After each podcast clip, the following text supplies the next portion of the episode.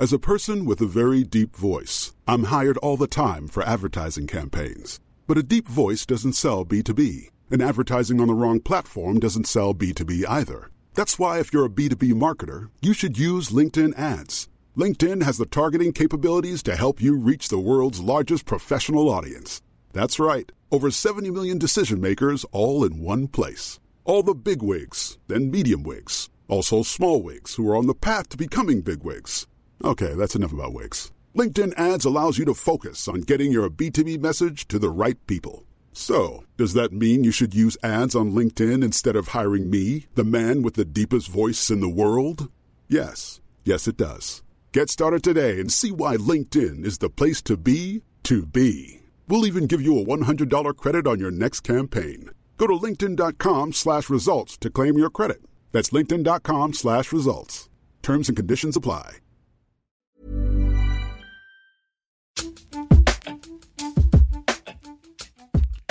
Hej och välkomna till Britta och Parisas podcast varje vecka om populärkultur och aktualiteter. Idag avsnitt 3. Vi avhandlar allt ifrån fega humor-Sverige, katastrofbudgeten och vilket grannland som kommer ta över och epidemin av kärleksintressen som är allt för fula i tv-serier och i film. Välkomna!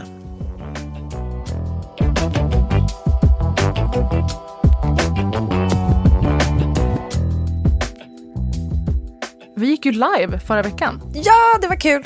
Det var kul! Mm, tack för all mysig respons. För, och vi hamnar på topplista. Det tycker jag Ja, man ja. får säga. Nej, men men alltså, vi jag. var på num- är vi det? Fortfarande nummer ett. Före Anders Bagge. Suck it, Anders Bagge. Alltså, ah, inte det en gammal kollega till dig? Nej, Jag vet jag inte har- vilka du har jobbat med och inte. Nej men jag har jobbat med de flesta. I've been around. Samma här om man säger så. Men grejen, nej Eh. men honom har jag aldrig jobbat med, men säkert träffat i radion. Jag kommer knappt ihåg. Men jag har ju varit igenom alla Sveriges kändisar, alltså typ på, kändis på den nivån.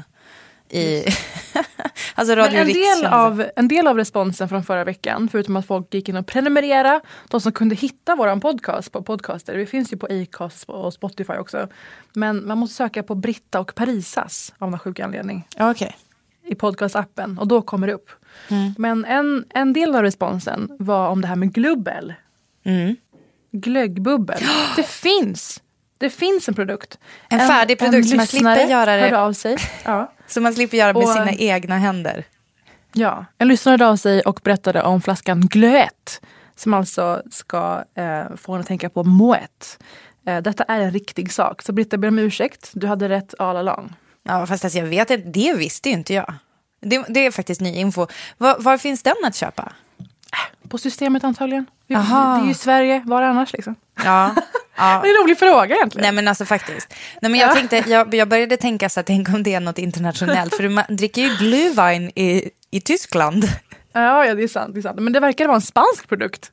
Jag orkar inte tänka på det här. Det Nej, för dåligt. nej vi, så här, jag tycker också att mer behöver man kanske inte veta om glubbel. Nej. Förutom att Men en, en annan grej, vi pratade om Stig Larsson och jag fick liksom nybreaka, du hade ju hört om det förut, och jag fick nybreaka Stig Larssons eh, bakgrund inom att vara PH-världets ansikte för dig. Alltså, om du minns det. ja. Detta kommer jag Akademimannen sent att hans glömma. åsikter kring kvinnors underliv och dess PH-värde.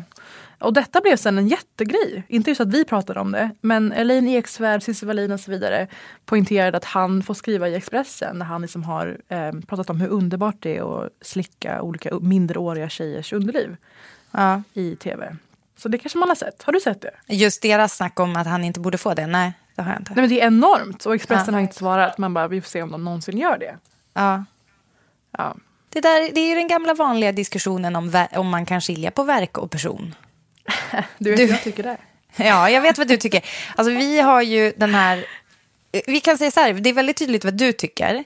För vi Ja. pratade om R. Kelly och Chris Brown till exempel. R. Och Kelly Louis CK. Ja. som... Ja, alltså vi, vi behöver inte förklara vad R. Kelly är. Vi förutsätter att ni vet det. Chris Mm. Brown också. Men, och då sa jag så här, men kan, innebär det att du inte kan lyssna på deras låtar alls? Och du hävdar ju typ att du absolut inte kan det.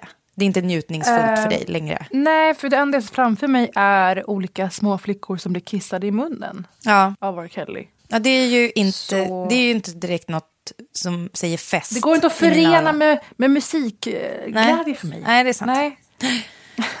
Nej. Men det är en förlust i livet, som Mm. så mycket annat. Men vad har hänt sen sist, Britta? Oj, oj, oj, Parisa. Jag har sett Busy Tonight. Du känner till Busy Phillips, Alltså, en underbar ja. skådis. Känd för mig främst från Freaks and Geeks. Och Alltså, där hon gör sin bästa roll. där hon gör sin bästa roll. Eh, hon, Men alltså, vad, vad ska man säga annars? Hon har gjort någon, någon eh, serie med eh, Monica från Vänner. Alltså Courtney Cox hade henne som sidekick i något länge. Skitsamma. Ni får googla B- Busy Phillips. Jag har i alla fall börjat kolla på Busy Tonight, hennes eh, late night talkshow. Mycket härlig. Hon är underbar i den rollen. Men Eh. visste du det här? Vadå? Att det är Tina Fey som är executive producer. Halleluja. Här kommer vi att komplettera varandra. Jag får ris. Guys, everybody's so busy. You're so busy. I'm busy. No, seriously, I am busy. That's like actually my name. Now I have my own late night show on Eve, Busy Tonight. You see what we did with my name there? Of course you did. Underbart. Ja, i alla fall. Lyssna på det här då. Ja. Eh, jag har då tittat på avsnittet med Kim Kardashian som gäst. Ja. Kim Alltså, Kardashian vad håller hon på med? Det är, inte, det är inte bara, jag tänker inte bara nöja mig med att berätta det. Det som händer när jag tittar på det här är att jag faller bakåt i min soffa i ren chock över Kim Kardashians avslöjande att eh, hon ibland kan sova med sminket på. Busy Phillips frå- eh, frågar, alltså så här typ, men du har väl aldrig gått och lagt dig med sminket på? Och Kim Kardashian bara, absolut, svarar helt ärligt så här, om if I can't have glam the next day, säger hon, vilket jag antar att det betyder att, alltså att hon får glam betyder väl att hennes makeupartist kommer dit och liksom piffar till och grejar. Om hon inte kan det, då sover hon med sminket. Och sen så... Dagen efter också? Är det Ja, ja, ja. Absolut. Så då kör hon... Det, alltså jag tycker det här är remarkable. Och det får mig att... vad? Jag är så trött. Det här är som att säga att jag kan äta vad fan jag vill och ändå vara eh, fit. Ja, fast alltså... Det är skryt. Ja, alltså man kan väl också säga att det är som ett... Jag är sån jävla slav under hur jag ska se ut. Att för mig så är det... Alltså så Ah, är det shit. mer värt att sova med sminket på. Det får mig att tänka på en jag sminkmetod jag hade när jag... Men förstår du vad jag, vet vad jag tänker? Vadå? Det är någon slags eh, ekonomisk eh, effektivitet också. Det Ja, det är går dåligt. Kanye West bara sätter sprätt på alla Alltså det är väldigt hållbart. Det är väldigt, Ja. ja. hon kanske måste dra in, snåla på grejerna. Nej, men jag kommer bara att tänka på ett, eh, jag vill ge ett litet tips då, för jag hade en sminkrutin när jag var i typ, ja, i mina early 20s. Uff. När jag, det festades lite mer än vad, än vad det gör nu. Eh, då hade jag någonting, ett koncept som jag kallade, och bland mina vänner var det då allmänt känt, att jag kallade det för påsksminket. Och nu kanske du tänker så här, vadå som en påskkärring? Nej, nej, jag menar den äkta påsken. Det vi egentligen firar, för det är ju Jesus Kristus. Absolut. Det här, jag har, ett, jag har en förklaring här, så här är den. Alltså, som den hobbykristen jag ändå är, eller jag har gått min beskärda del i kyrkan, så vet jag att jag har det liksom i ryggmärgen att Jesus blev pinad under Pontius Pilatus, som vi vet, korsfäst, död och begravd. På tredje dagen återuppstånden igen från de döda och uppstigen till himlen. Och på samma sätt funkade mitt smink. Alltså jag la en god makeup, en, kanske på lillördag. Sen så körde jag bara med den och sen var den typ snyggare än någonsin på lördagen. Och det är då den är liksom återuppstånden igen från de döda. Och bara, då, är man, då är det som att den har jobbat in sig. Den har liksom, den här sotiga ögat har verkligen sotat till Men- sig och blivit Och perfekt. detta genom olika festsessioner. Det är sant. Och alkohol, allt alkohol hade absolut marinerats. Liksom. Oh. Ibland kan jag vakna när man har sovit med smink, för jag har ju tyvärr fortfarande det ibland. Inte Mm. som ett hållbarhetstänk utan bara, fy fan vad trött jag är. Och så är man snyggare. Man ser bättre ut.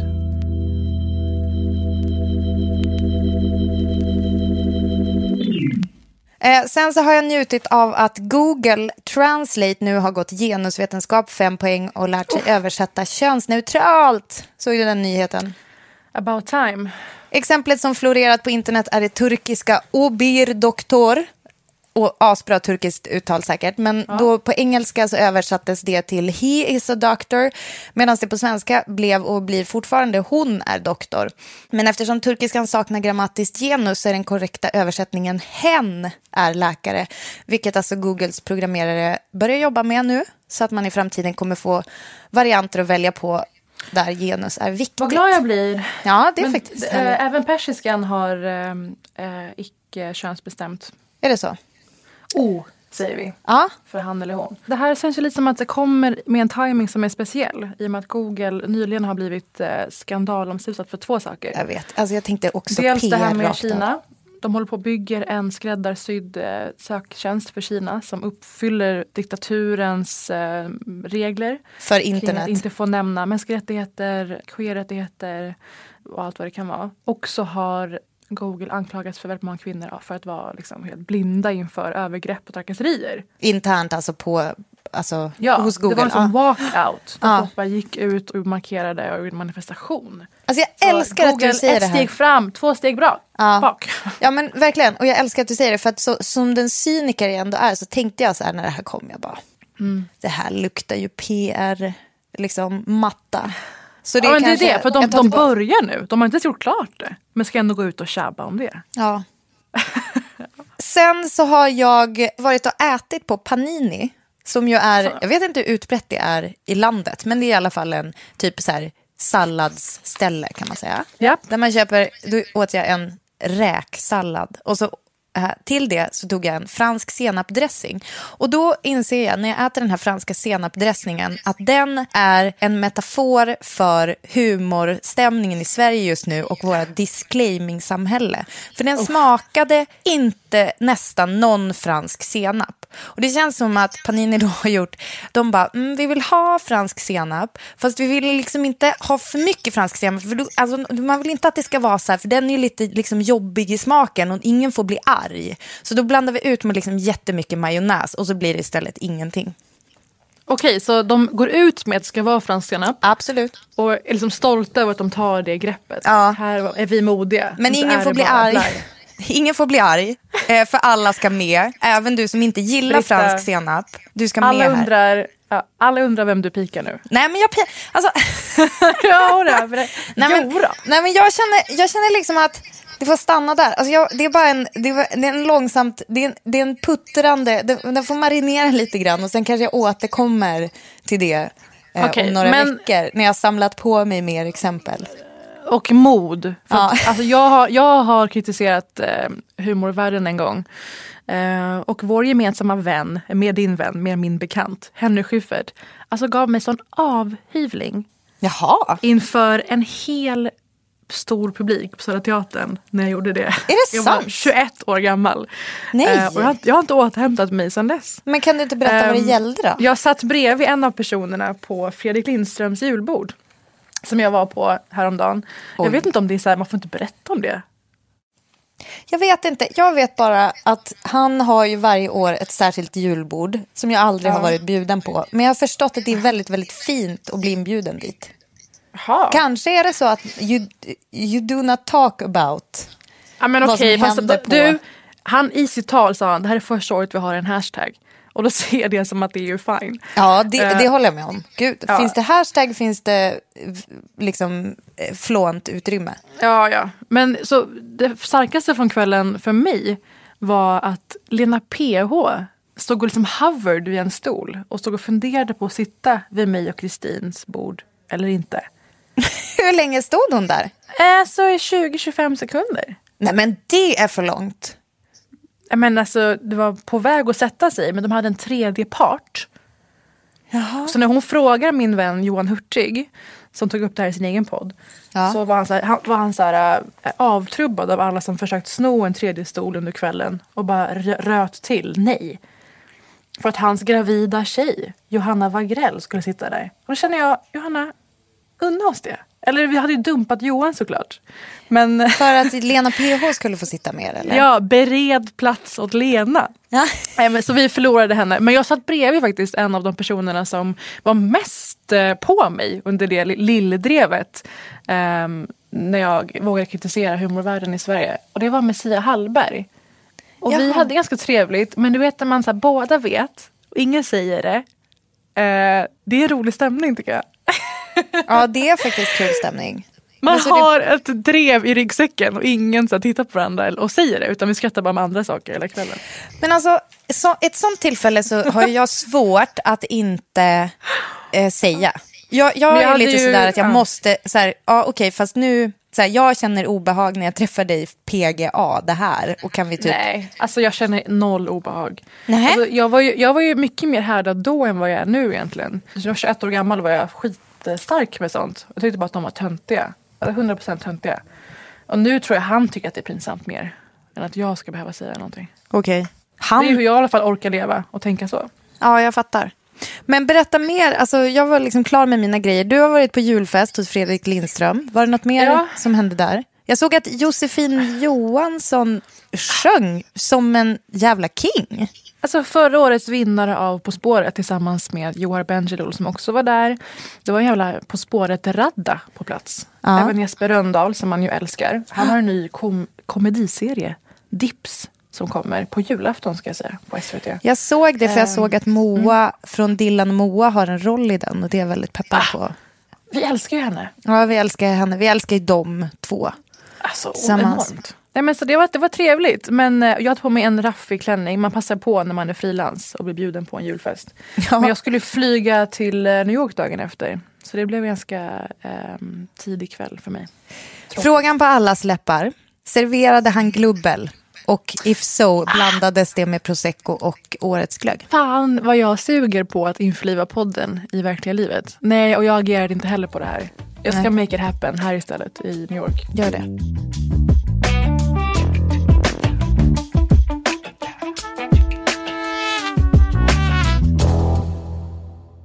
Eh, jag vet att vi inte är politiker. Men bara, hur viktigt tycker du att Naturvårdsverket är? Eller Jämställdhetsmyndigheten? Eller typ kvinnojourer? Alltså, alltså, om jag får rangordna dem så hamnar de lite olika, men svaret är viktigt i alla fall. Ja. Alltså, ga- ganska nödvändiga för ett samhälle ändå. Eh, nu i veckan så har kvinnojourer landet runt haft nödrop för att eh, det attack ökar som vi vet under ledigheter. Under jul och nyår med mycket fylla och med mer eh, spenderad tid i eh, hem. Destruktiva hem. Eh, Jämställdhetsmyndigheten året efter metoo ska verka för att eh, stödja jämställdhetsarbete runt om i Sverige. Och Naturvårdsverket som vi vet är väldigt viktigt för Sveriges natur och fortsatt miljöarbete. Vi har ju en ny budget i Sverige. Har du hört om den? Det har jag. Jag har hört att man eh, bland annat lägger ner Jämställdhetsmyndigheten. Den ryker! Är omröstningen avslutad? Svaret är ja. 141 ja, 153 nej, 48 avstår. Kammaren har antagit reservation 1. Moderaterna och Kristdemokraterna har gjort gemensam budget med stöd av Sverigedemokraterna. Så detta sker liksom parallellt med regeringsbildningen. Och det folk inte, jag tror folk har blivit avtrubbade av att den inte är igång och det var så mycket tjafs om den. Så Alltså, då har man liksom 100%. fått igenom en budget under samma tid. Ja. Eh, med stöd av eh, Centern och eh, Liberalerna. För er som liksom tänker att nej men vadå, de har inte gjort någonting. Jo, de var också med på ett hörn där. Så förutom att de drar ner alltså, två miljarder från miljöprojekt så ryker även Jämställdhetsmyndigheten och pengar till typ kvinnojourer, Naturvårdsverket eh, bara dras ner kraftigt. Så kvinnojouren har ett stöd från staten som de nu inte får längre.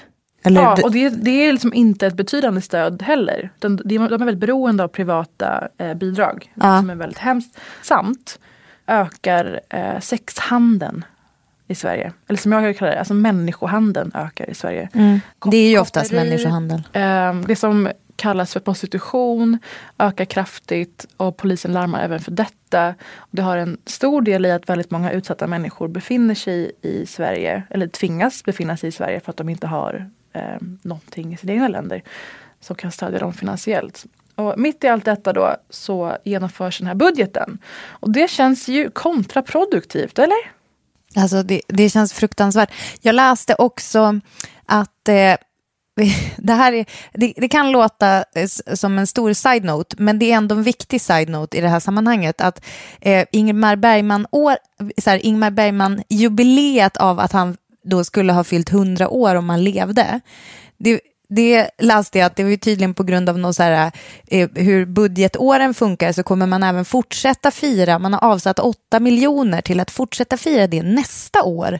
Även fast han då skulle ha fyllt 101 så kommer Ingmar Bergmans 100-år-firande, det kommer fortsätta, säger kulturdepartementet. Och då känner jag så här, det är inte samma budget, jag förstår det. Men ta gärna de där 8 miljoner kronorna, lägg dem på kvinnojourerna. Så känner jag. Eller jämställdhetsarbete. Mitt i, mitt i allt detta så drar också Stockholms stad ner kulturbudgeten med 150 miljoner över de nästa tre åren. I den här känslan jag befann mig i så läste jag i min tidning som jag skriver för som heter eh, Ikon Magasin, där jag är kulturredaktör, att motsvarande 16 miljarder svenska kronor satsar Norge på kultur nästa år. Är det sant? Det, ja, 16, ja. 16 miljarder kronor! Norsk kron. Ja. Norge som de senaste åren haft ett auktoritärt styre det gör den norska kulturbudgeten nästan dubbelt så stor som den svenska och 700 miljoner kronor större än årets budget. Oj. Så eh, nästkommande generation av till exempel personer som Cherry, eh, artisten Cherry som blev årets artist och vars serie eh, jag var med och eh, skapade och gjorde. Som heter Ut ur mörkret där hon belyser eh, ja, skjutningarna i Järva i norra Stockholm. Som till exempel vann årets film faktiskt. Är det sant? Stockholmspriset, min gamla arbetsplats. Oj! Eh, nej men personer som hon då som har haft väldigt hjälp av liksom, eh, till exempel så danskurser eller sångkurser eller sådana aktiviteter och fått liksom, utveckla sig och uttrycka sig. Eh, de här aktiviteterna kommer då alltså ryka, mm. mer eller mindre. Så jag ser fram emot att så här, framtidens Spotifys och eh, ABBA, inte ABBA, vad fan bryr sig, och Robin och Cherry kommer från Norge istället. Och så är Sverige ja. kvar och bara ruttnar. Det är din spaning. Det kommer ju låta mycket gladare i alla fall. Norska? alltså, kulturen vi kons kommer konsumera kommer gå lite mer i den här eh, melodin. Här kommer du som ett ljus i mörkret. Ja, men alltså, det är ju superdeppigt. Och vet du vad som är problemet också med det här?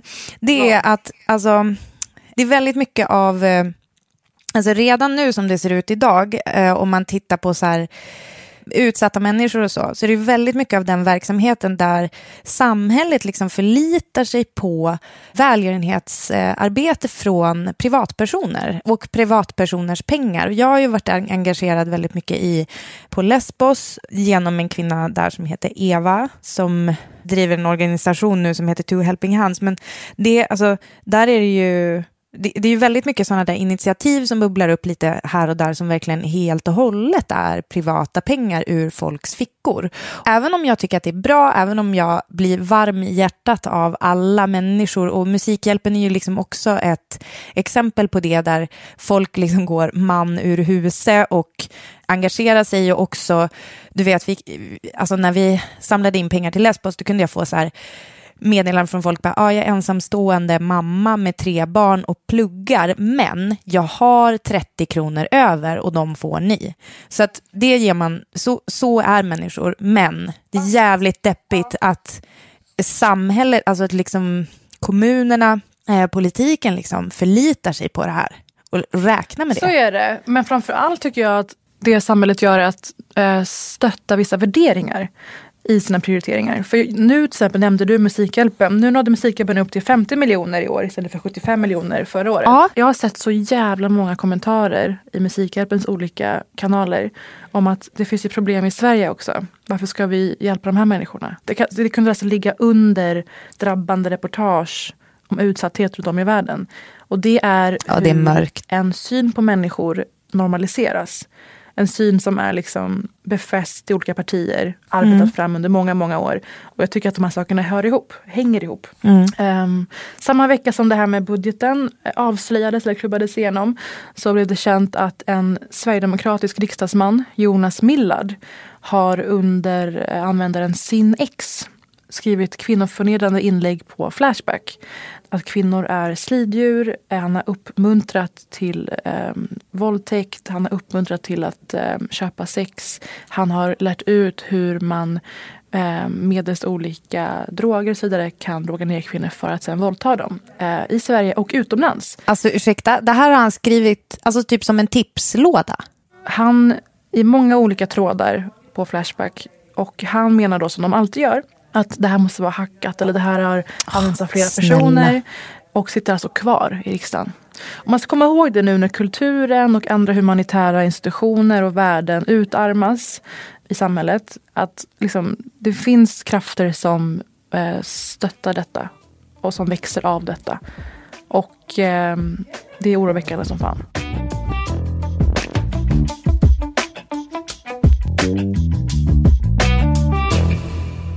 Jag har, och du kanske också har under, inte vet jag, ganska lång tid, den har gått några säsonger, tittat på serien Love på Netflix. Okej. Har du tittat på den? Ja, det har jag. Med en liksom viss ton av irritation. Ja. My mom always tells me I should date a Midwestern boy. They're really sweet and honest. Oh, really? Well, uh, tell your mom to go fuck herself. I'm kidding. It's a joke. I didn't. I got it. Okej. Får se om din irritation ligger eh, hos, på samma ställe som min. Ja. För grejen är att den här, TV, den här serien Love då, den är skriven av Paul Rust och Le Leslie Arfin som är ett par i verkligheten och den är liksom baserad på deras kärlekshistoria väldigt mycket. Eh, den produceras av Judd Apatow som producerat ja, superhittar som 40 year old virgin, supersugen. Han var ju eh, väldigt involverad i Girls också. Eh, och också eh, tidigare nämnda Freaks and Geeks. Eh, den har också Gillian Jacobs i sig som spelar Brita i Community och är en underbar eh, skådis tycker jag. Jag gillar henne. Eh, jag borde gilla den här serien. Och vi älskar inte henne Vi älskar inte henne bara för att hon är namne med dig i den serien Community. Utan vi älskar Community och vi tycker att hon är en... Till stor person. del därför. Okej, mycket därför också. Ja, och... Eh, men så jag borde älska den här serien. Jag gör tyvärr inte det. Och vet du varför? Jag vet nog varför. Därför att Paul Rust Ja. är noll procent het. Alltså grejen är så här, och jag ber om ursäkt för nivån på det här, fast jag ber ändå inte om ursäkt för Jag undrade nivån hur på det här. du, skulle, hur du skulle formulera Ja. känslan. Nej men alltså grejen är så här, eh, alltså, och då menar inte jag att han är inte en bildskön Ryan Gosling. Alltså det är inte ens på den nivån. Nej, nej, nej. Han är rakt av ohet. Jag måste titta bort när det är kyssscener, typ. Och alltså för att inte nämna eventuella sexscener. Jag minns inte ens om det är några i serien. För att jag har liksom hoppat förbi när det ens har vankats. Och grejen är så här. Att jag, det finns liksom en spaning i det här som är att det är liksom så, det här är en del i att det inte är lika regler för män och kvinnor. Att en sån otroligt så objektivt het tjej som Gillian Jacobs, och särskilt i den här serien, alltså hon spelar en tjej som är väldigt så här, alltså hon, hon går runt i skitsnygga kläder, hon har liksom en cool grej på gång. Eh, Paul Rust är, man får, in, man får noll anledning att förstå varför hon ens blir intresserad av honom. Det finns liksom ingenting som man har som man hakar upp en liten, så här, en liten eh, flört på typ. Som den undersökande journalist jag ändå anser mig vara, men har noll grund för att kalla mig, så googlade jag såklart Gus is not hot enough och hittade en artikel som behandlar det här med rubriken Let's talk about the hotness doubled standards on Netflix love, shall we? Det är en människa som heter E.J. Dixon som har skrivit den i, alltså på en sajt som heter mike.com. Jag vet, jag vet inte vad det är, men, det här är skrivet i februari. Liksom. Men, men det jag gillar, ja du brukar, bra, så att det är liksom en legit source. Men här, så här formulerar sig personen angående då hur olika heter de är. It would be disingenuous to admit perhaps the most obvious one of, all. In terms of conventional standards of attractiveness, they're not only not in the same league, they're not even playing the same sport. In fact, they not, they're not even playing sports. Mickey, alltså Gillian Jacobs, is playing touch football, while Gus, Paul Rust, is, I don't know, making a mug for his mom on a kiln in the arts and craft cabin. Eh, de, är alltså, de är så långt ifrån varandras liga. Och en tjej som hade varit lika ohet som honom hade aldrig, och jag repeterar aldrig, Det är ju det. Nu sitter folk och tänker så här, samma vad är det här för podd? De sitter och så här, gör ner någons utseende. Det är inte det vi pratar om. Det är olika saker. Det ena är eh, standarden, den totala liksom, olika nivån här. Och jag tror att det drabbar eh, Gillian dels för att hon är så snygg att hon bara får en viss sorts roller. Och därför kanske drogs till den här karaktären. Fast abs- ja, precis. Men hon Dels har inte... så Ja. är ju det här ett alltså, evigt problem.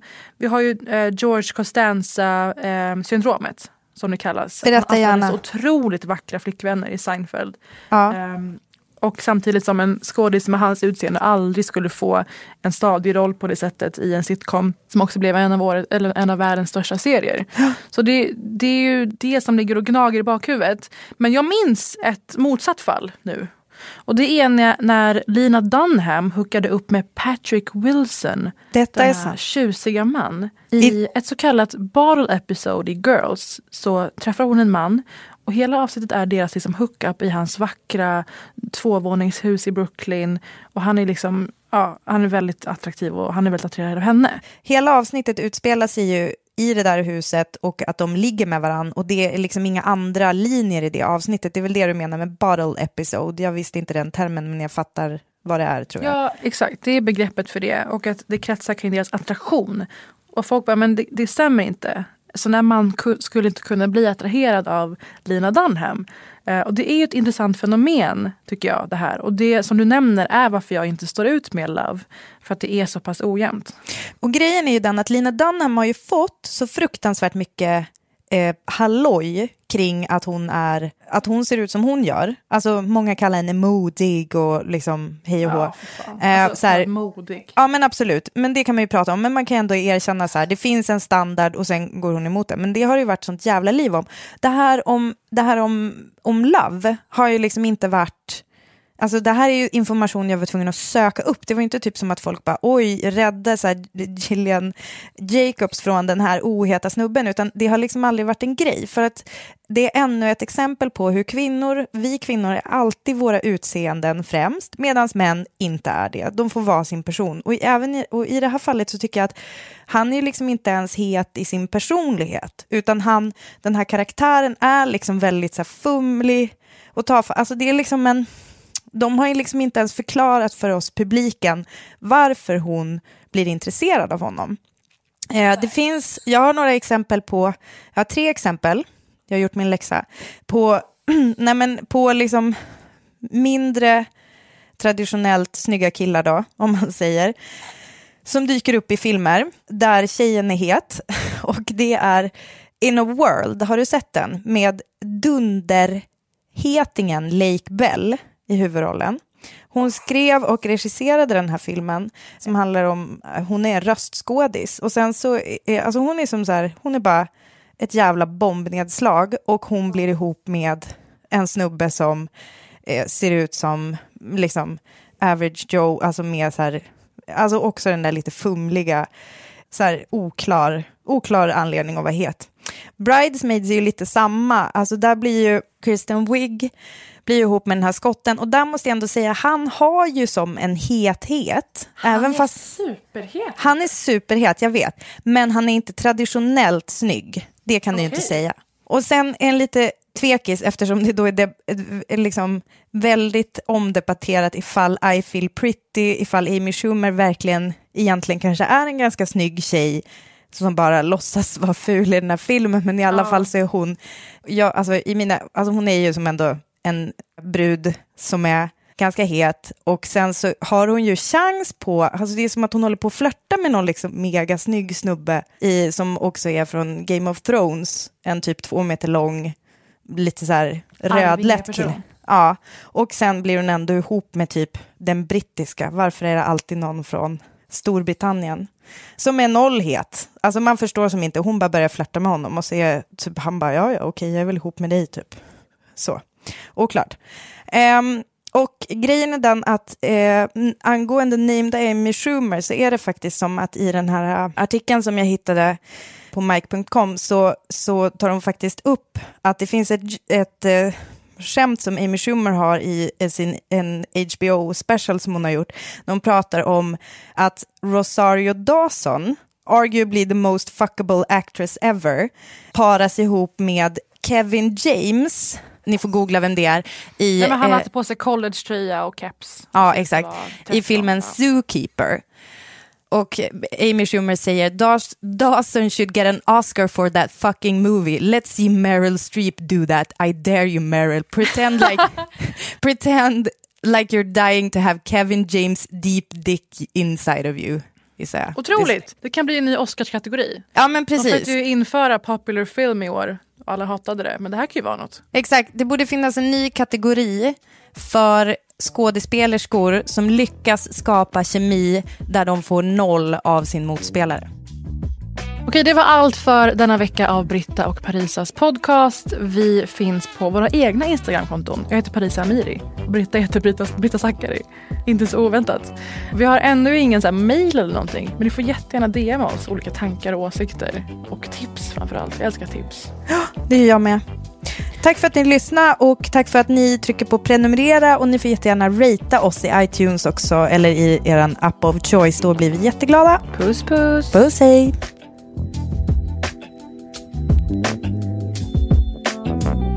En podd från L.